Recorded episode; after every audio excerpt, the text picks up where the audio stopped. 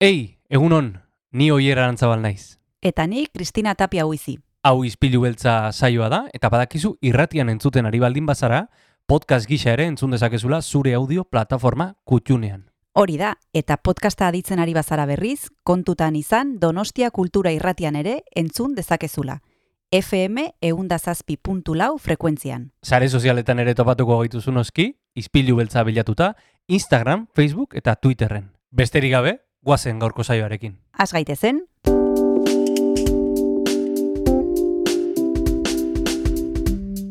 Ispilu beltza. Donostiako kulturaren berri, Oyer Arantzabal eta Kristina Tapia buizirekin. Egun honen zule, aprilak bost ditu, aste azkena da, astearen erdian gaude, eta mm, ostiral zaporea du honek, hau, izpilu beltza da. Donostia kultura erratian, FM eundazazpi.lau frekuentzian, Kristina eta Biok, egunon, Kristina? egun onoier, zer modu zaude? Oso, no? Gaur, zure egun kutxuna asteko, aste hontakoa gaur izanen da, ez? Bai, jakeatu dugu aste hau, eta ostirala bihurtu da aste azkena, edo mozorrotu da aste azkena hau ostiralez. Eta, bueno, aste santuei bideman aurretik, guk literaturaren inguren itzen behar dugu. Bai, badekizue duela bi urte Olatz Mitxelenak irabazi zuela igartza saria, arrakalak proiektuaren gatik eman zioten sari ura, eta artik, e, proiektu hartatik e, jaio da arrainezur bat eztarrian liburua, eta justu duela egun batzuk aurkeztu du elkarrekin, eta literaturari buruz, itzulpenari buruz, e, eta bere ikaslei buruz ere hitz egingo dugu e, jarraian Olatz Mitxelenarekin. e, Kristina, ze plan dukazu santurako? Ba, kanporagoaz, egun batzuk. Deskantsua, ez da? Bai, deskantsua. Eskate apartatu hemendik. eta- Bai, apartatu hemendik ezakit. Alde, aldegun, aldeguna. Aldegun eginean, bai. Bai, buruak deskantsua behar du, eta egun onak dira hortarako. Eta deskantsurako ere ona da gaurko gonbiatu entzutea, Bai. eta gaurko izpilu entzutea, eta nola ez, musika ere bai, asier erraziren eskutik. Ba, guazen gaurko izpilu beltzarekin. Guazen.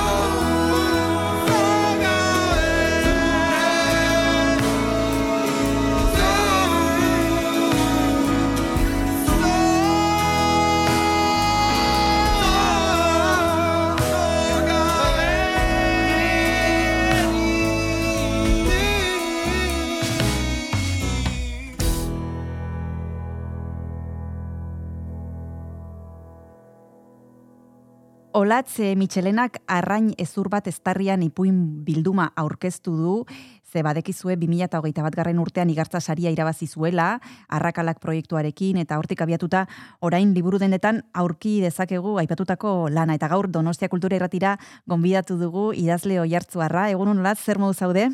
Egun hon, ba, osongi eta gustura. Bueno, aipatu dugu arrain ezur bat eztarrian e, kaleratu duzula oraintxe bertan, e, nola sentitzen zara, ze, bueno, proiektua e, as- aspalditik edo, bueno, e, duela urte batzuk hasi zenuen, eta orain ja iritsi da momentua, ba, irakurlekin partekatzeko nik ezakit e, urduritasuna dagoen, e, gogoak, Mhm. e, dena batera. Bai, egia da azkenean, e, bueno, prozesua luze, xamar edo joan dela, ze esan bezala ez, e, 2008 batean eman zidaten saria, gero nik urtebete izan nuen lana ontzeko, Mhm. eta eta urtebete hori pasa, eta ondoren zuzenketak, eta edizio lanak, eta eta orain, bueno, ba, 2008ko martxoan argitaratu da, beraz, bueno, e, itxaronaldia, be, bereziki lana, lana bukatu nuenetik, bueno, luze xamar egin zait, ba, gogoa nuelako egindako hori ja, bueno, ba, ba, ba irakusteko edo, bero, hauxe da egin dudana. Eta orain egia esan, ba, egunak e, iritsita eta ja aurkezpena eta eginda, ba, pozik e, sentitzen naiz, e, ba, hori egin dudan lan hori, eta azken batean, bueno, ba, buruan ere denbora izan dut, eta ez, e, kokatzeko horretan eta jendeari erakusteko ideia hori barneratzen eta eta emozioz eta gogoz bizi dute momentu hau. Hauxe da egin dudana eta ea zer iruditzen zaien irakurleei. Bueno, irakurlei kontatu behar diegu, edo irakurle potentzialei kontatu behar diegu pixka bat e, zer den arrainezur bat eztarrian aipatu ditugu e, bi- Mhm. ipuinak direla, baino zeri buruzko ipuinak, e, zein dira gaiak, e, zein dira aukeratu duzun estiloa, bueno, gehiegi kontatu gabe ere, baino pixka bat e, Bai. gutxi gora bera, e, zeri buruz e, dira Bai. ipuinak. Egia esan, behar bada, azteko eh, esango nuke ezberdinak direla ipuinak Mhm. eh, beren artean. Amar dira esan bezala, baina bai, bueno, estilo eta gai aldetik ere de, mm, oso ezberdinak eh, daude. Egia da, eta bueno, e, igartzara proiektu orkestu nuenean ere ala e, zehaztu nuen, Mhm. badute halako ari bat edo gai komun bat edo, badira pixka bat, e, bueno, norbanakoi pertsonoi e, gu- gure baitan edo bueno, gure artean bereziki harremanetan eta e, e, jende artean e, sortzen zaizkigun alako min txiki edo zauritxo hoiei begiratzeko ipuin, ipuinak dira. E, alako deserosotasun puntu batzuk agertzen dituzte behar bada edo min, min sentsazio horiek ez dira e, oso zauri handiak edo trauma handiak, baina bai deserosotasun, e, ezin egon, ezintasun, alako puntuak e, e, agertzen dira. Eta gero egia da, eta izenburua hortik eh, dator, idazten ari nintzela, bueno, konturatu nintzen bazela mintxo bat edo zauritxo bat behin eta berriz agertzen zena, ba, presentzia handiagoarekin edo txikiagoarekin, eta lotura zuen e, komunikazio faltarekin edo esan ezinarekin, ez? E, ezintasun bat, ba, eta hitzak eh, gordetzeko edo ez esateko, edo, ba, dela beldurragatik, dela minagatik, Eta, eta bueno, pixkate hortik eh, aritu nintzen pentsatzen, eta izenburu aukeratzeko garaian, ba, bueno, horri heltzea pentsatu nuen, eta, bueno, a- em, a- arrainezurrak hoiexek dira, ez, ez geratzen zaizkigun eh, hitz e, hoiek, e, san ezin da, edo, edo mindera, eta eh, erdi ezkutuan, erdi gordeta. Mhm. Aipatu dituzu mintxikiak, e, olatz, e, ze arreta gutxi jartzen diegun mintxiki hoiei e, batzuetan e, ba, pixu hartzen dutelako, ez? Gure barruan eta inkomunikazioak ere, ba, bueno, e, izan, izan alditu, ba, bueno, hainbat e, kontsekuentzia e, ez direnak hain txikiak. E, zure ustez, e, gai hauei buruz, e, ari gara geroz eta gehiago hitz egiten, e, ba, hitz egin behar izana, inkomunikazioa, e, ez tarrian gelditzen zaizkigun ezur txiki hoien inguruan, edo uste dut zu ere oraindik badirela tabu batzuk e, gai hoien inguruan. Bai, orokorrean esango nuke, behar bada, eh, ez dakit, arteak eta literaturak eta baduela joera, e, ba, min hoiei eta zaurei begiratzeko, eta, bueno, modu batean, ez dakit, terapiarako aukera ere ematen du akaso, eta, eta gai, gai bezala, ez, nik uste dut askotan agertzen direla horrelako minak eta zauriak artearen eremuan, edo literatur, eta literaturaren eremuan. Baina orokorrean bestela, lagun artean, familian, e, iruditzen zaite pixka tapatzeko joera dugula, edo, edo behintzat, bueno, kasu gehiagirik ez egitekoa, eta, eta bueno, ba, dena ongi, eta irribarrea, eta poza, eta, eta nonta ez duzun, ez dakit, eh, depresioa, eta, edo antxietatea, eta ja, pixkat mutu, mm, beste maila bateko e, arazo bat, edo bestelako arazo bat, eh? E, ondorio horiek ekar litzakenak. E, bueno, ba, ez, ez digula hainbeste reparatzen eta ez dugula hainbeste hitz egiten e, gai hoietaz eta ez digula hainbeste presentzia ematen. Eta, bueno, nik eh, liburuan banuen asmo eta gogo hori ez, e, min txikiak izanagatik edo zauri txikiak izanagatik, hoiei presentzia ematekoa eta eta orduan ustut denetan badela olako giro bat, ez? E, ba, pixkat deserosotasuna sortzen diguna eta eta zauri hoietara begiratzera e, eramaten gaituena. Mhm. Ongi iruditzen baldin zaizu olatz, tartetxo bat hartu behar dugu eta segituan itzuliko gara arrain ezur bat eztarrian liburuaren inguruan hitz egiteko. Eh, esan bezala tartetxoa eta segituan itzuliko gara.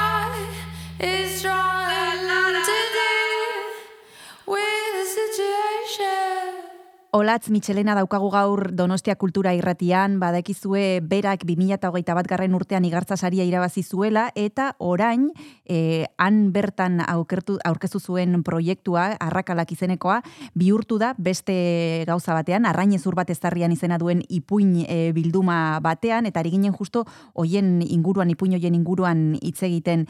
Hasieratik zenekien Olatz ipuinak izango zirela? Bai, hori garbi, nuen beste gauza batzuk eh, pixkate e, zintzilik eh, ikusten nituen, baina ez ipuinena argi nuen, bai. Mhm.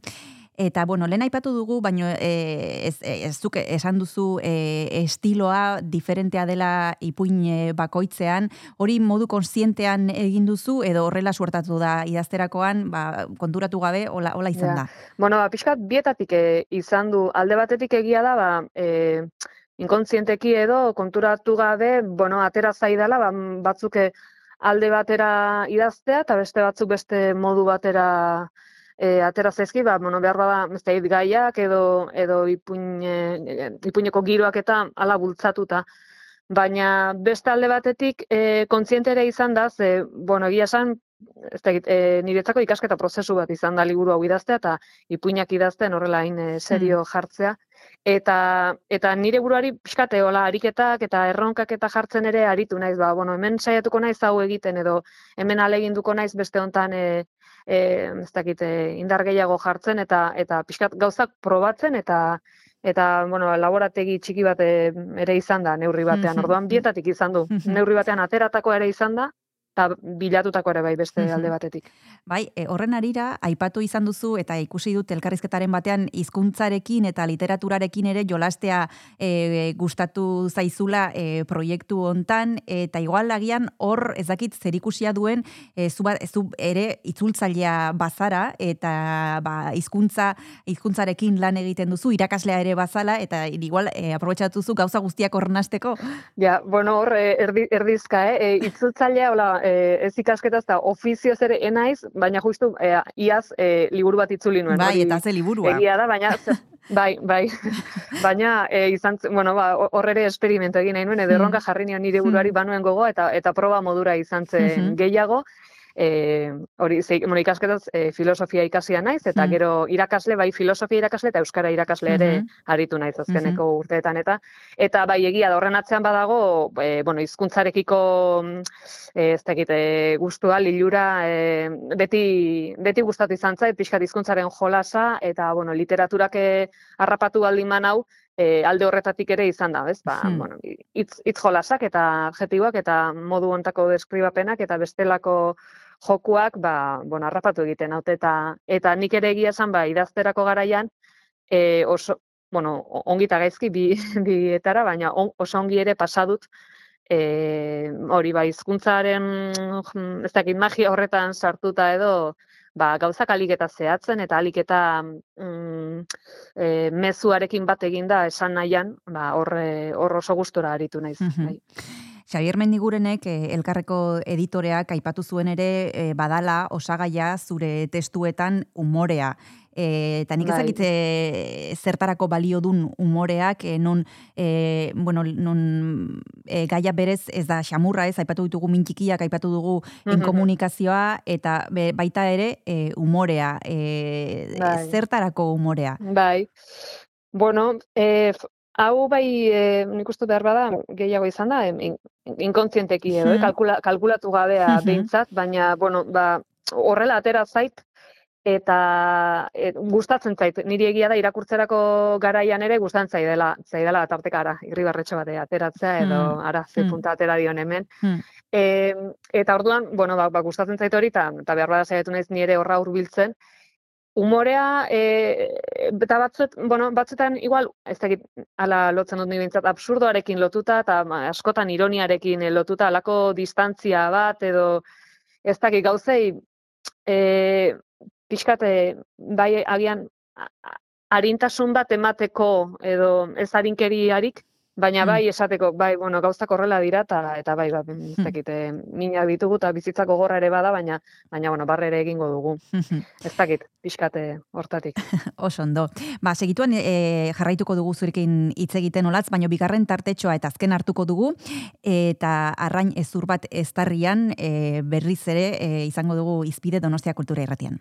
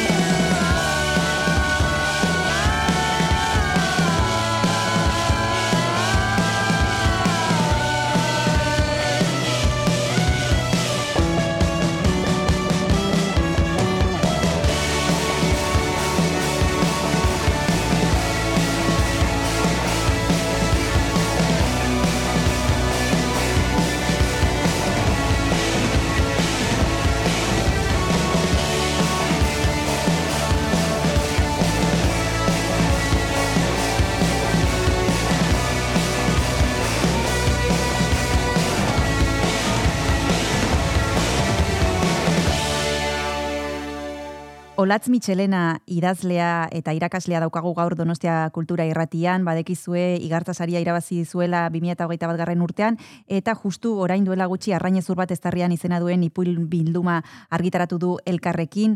Aipatu dugu umorea eta esaten zenuen Olatz zuri ere gustatzen zaizula e, ba, irribarre egitea irakurtzen dituzunean e, ba, liburuak eta ipuinak.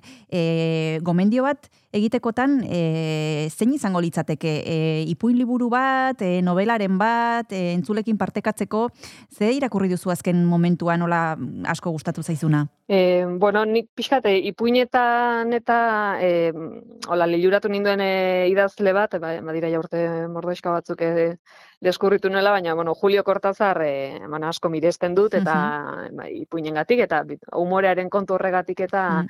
ere bai, hizkuntzarekin egiten dituen jolasak, eta ba, ba Julio Cortázar egia esan, bai, oso e, miresten dut, eta, bueno, azken aldian e, e, deskubritu berria edo ezagutu berria, eta orain dela gutxi irakurri dut beste ipuin liburu bat, eta, bueno, bera ere argentinarra da, Samantha Joelin, Mhm. eta e, siete casas, okerrez baldin banago, e, irakurri diot azken e, ipuin liburua, eta, bueno, beste estilo bat du, eta, eta bada diferentzia bien artean, baina, bueno, bera ere, bueno, bere ipuinak ere oso gustora irakurri ditut. ba, puntatuta bi izen hoiek, e, olatz, e, zure lehenbiziko liburua, behintzat e, argi ikusi duen zure lehenbiziko liburua da, ez dakit e, gehiago egotea gustatuko litzaizuken, ari zara lanean beste gauzaren batekin? Bueno, ba, gustatuko litzaidake egia esan, bai, ba, bueno, prozesuan, e, ikaste prozesua izan delako, iruipena dut asko ikasi dudala, Mhm. Eta batez ere, bueno, gusto hartu diot, e, Hmm. ze orain arte beti izan da, ba, gauza solte bat, e, ez dakite, paragrafotxo bat idatzi hemen, ipuinen bat edo beste han, baina ez e, hola, sistematikoki eta serio e, planteatuta hartu dudan ezer. Eta orain e, oso gustora aritu naiz, eta bai badut gogoa aurrerantzean ere idazten jarraitzeko, eta bueno, zerbait idazten ere ja, bueno, ari naiz. Ipuinak, e, ipuinak, eh? Ze, egia da formatu horretan oso gustora sentitzen naizela. Bueno, esaten dute oso zaila dela ipuinak idaztea, ez dakit e, zuk esperientzia daukazu horretan, e, ez dakit zaila edo erresa egin zaizun prozesu hau. E, bai, zaila, bai, ez, e, bueno, horriaren aurrean jarri eta, ea, a ber, orain zer ateratzen den, baina ez dakite ipuinak edo novela konparatuta esaterako niri, nire burua ustot gertuago dagoela ipuinaren formatutik novelati baino, Mhm. baino orduan, oraintxe bertan niri novela bat, ba, zailagoa edo e, ezinezkoagoa iruditzen zait, eta ipuina, ipuinak, bueno, ba, uste dute, aterako, aterako zaizkidala gehiago edo idatziko ditudala, orduan, ez Mhm. dakit, konparaketa hori egiten ez dakit. Eta bueno, zutabeak Eta, bueno, ere... beste, beste kontua litzateke e, kalitatea ere, esan dut. E, idatzi idatzi liteke gero horren e, e, bueno, nolakotasuna edo zer moduzkoa egin ho- hortan egongo da diferentzia. Mhm. Ze, bueno, idatzi idatzi izan duzu, zutabegila ere bazara, Bai. eta hor beste neurri bat e, erabiltzen da, e, agian e, karaktere gutxiago, e, hitz gutxiago, eta hor mm, bai edo bai mm, motz eta laur e, idatzi behar dira gauzak, eta hori igual e, zailtasuna da e, ipuinekin konparatuta gehiago, Ja. ez? Bueno, egia esan niri e, motz eta labur aritza ez zait kostatzen. Ez dakit, e, hitz e, hitz gutxikoa naiz edo ne- neurtutakoa eta orduan hori ez da problema izaten, e, motzean, motzean esatea. Bai. Gehiago da, bueno, a ber, zeri buruz e, idatzi, zeri buruz e, eman iritzia, eta horrek, e, iritzi artikuluetan eta horrek, horrek ematen dit, e, bueno, burua uste gehiago. Hmm. Eta, bueno, ba, pixkat joeragatik eta, bueno, filosofia ikasia eta horra hausnarketak eta erraxago akaso hori ateratzen zait, ba, pixkat hausnarketa batzuetara jotzea, eta batzuetan bo, ipuinak, e, ipuinetan idazten ari naizen gai, gaietara ere e, bu-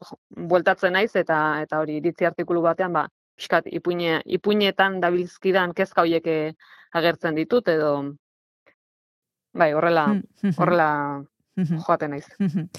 Eta mm, irakasle profilari begiratzen badiogu olatz, e, esan duzu filosofia eta euskara irakaslea zarela, e, nola ikusten dituzu gaur egungo gaztetxoak e, irakurzelat, irakurzaletasuna, e, idazteko joera daukate, e, ze, ze Mm. sensazio daukazu? Bueno, em, irakaskuntzan, bueno, ja urte, azkenean ja urtetxo batzuk egin ditut, baina ez dut, hainbesteko ibilbiderik ere ez dut e, konparatzeko eta esateko, ba, orain lehen baino asko, Hmm, edo orain lehen baino, konparaketa hori egiteko ez dut hainbesteko distantziarik edo Hmm. behar besteko e, ibilbiderik. Mhm, E, bueno, beti bezala uste dut denetarik dago, mhm, eta egia da orain, ba, bueno, ze aisialdian, e, ikasleek aisialdian egiteko mila aukera dituzte, eta eta liburu ez gain, ba, hor dituzte, bueno, pantailak ikaragarri, e, ordenagailuko jolasak eta, Mm. eta bueno, ba, betiko kirol eta ez aisialdiko eskaintza hori orduan egia da, bueno, ba, ba liburuei ezinbestean leku txikiagoa geratu zaiela, ba, bestelako eskaintza ikaragarri zabaldu delako eta eta gailendu ere egin zaio. E, dena dela, bueno, ba, tarteka topatzen dira e, ikasle irakurzaleak ere, eta eta idazten eta bueno bai bai herrietan eta ikastetxeetan eta bueno beti nik uste dute mantentzen dela lako saiakera bat e, literatur lehiaketen bidez eta bueno pixkat idaz, idazten e, zaletu daitezen edo edo hori ere probatu dezaten aleginak egiten direla eta eta bueno ateratzen dira eta bueno tarteka e, ik- ikusten ditugu, ez? Jo, ba, ze ze gustua duen e, idazle honek edo nola idazten e, e, ikasle honek eta nola idazten duen eta Orduan behar bada, bai, gutxiago izango da, batez ere irakurketari dagokionez, e, baina, bueno, oraindik ere, bueno, ba- badira olakoak ere. Itxaropena badago. Aipatu duzu ari zarela idazten, e, ez dakit eperik dagoen hoiek e, argia ikusteko, e, zure buruari eperik jarri diozun, edo pixkanaka pixkanaka ari zaren ba, datarik eta egutegirik, e, egutegiari kasu egin gabe. Bai, eperik eta ez egia esan, e, eta, bueno, bueno, orain gainera e, bizitzan beste etapa bat ere badatorkit e, aur, aurrarekin, eta, bueno, hor, et, etentxo bat egongo da, beraz, bueno, e, jarraitu nahi dudala argi dut, baina, bueno, ez, eperik eta, eta hola, mugarik eta ez diot jarri nire buruari. bueno, ba, bitartean entzulari esango diogu, badaukala, zer irakurri, arrainezur bat eztarrian da e, Olatz Mitxelenak argira, argitaratu duen ipuin bilduma, elkarren daukazue, e, eta esan behar diogu Olatzi eskerrik asko Donostia Kultura irratira hurbiltzeagatik eta horrengor arte bezarkada bat. Eskerrik asko ze, gonbidapenagatik eta eta ongi ongi segi. Aio. Aio, agur.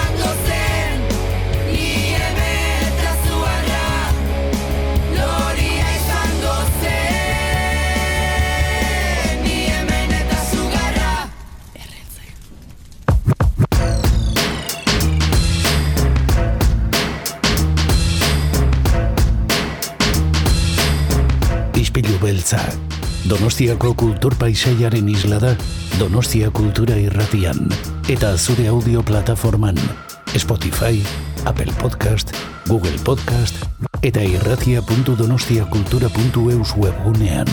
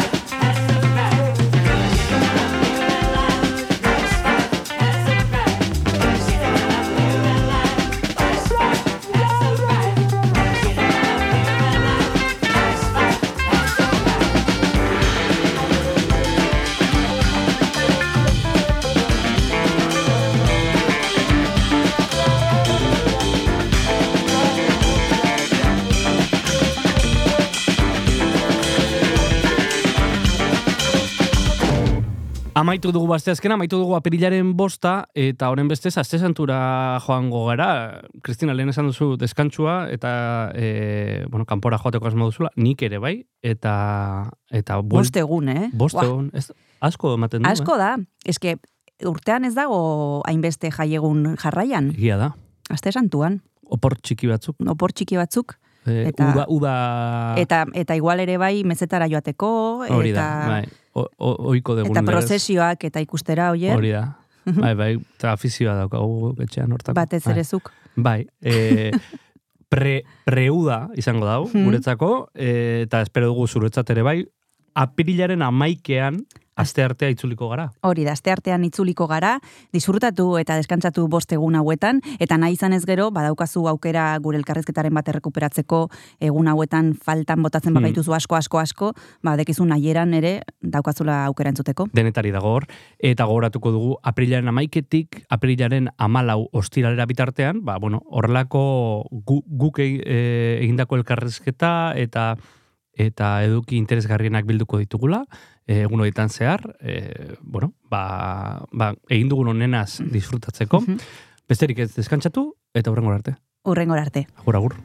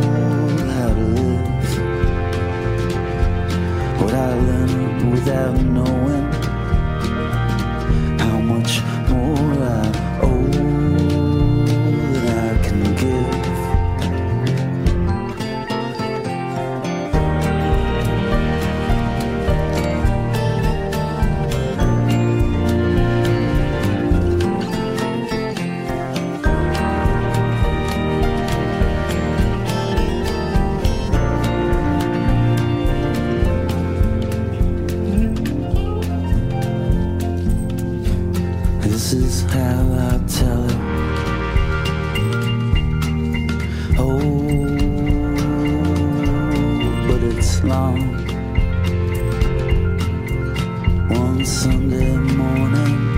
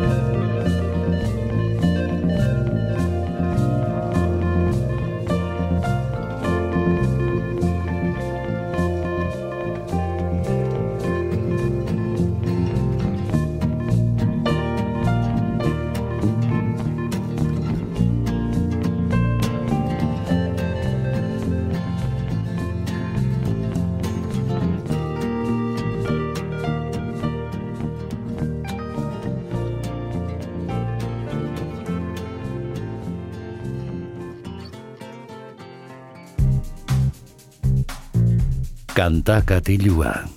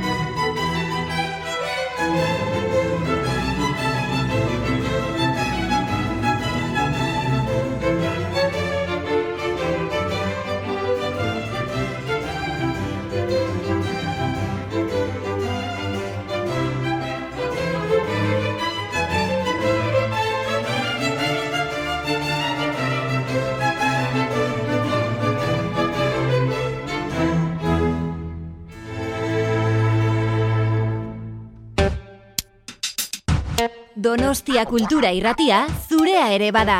Zatoz eta parte hartu.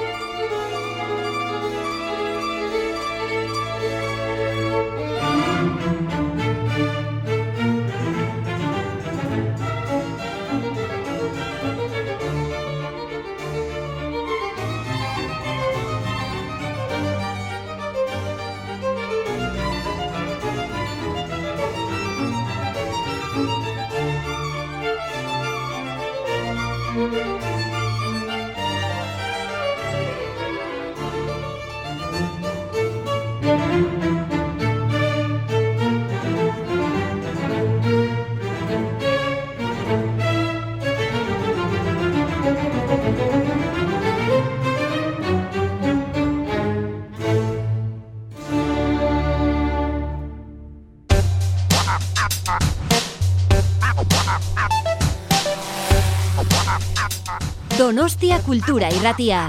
Zabaldu gurekin Donostialdeko kulturaren leioa.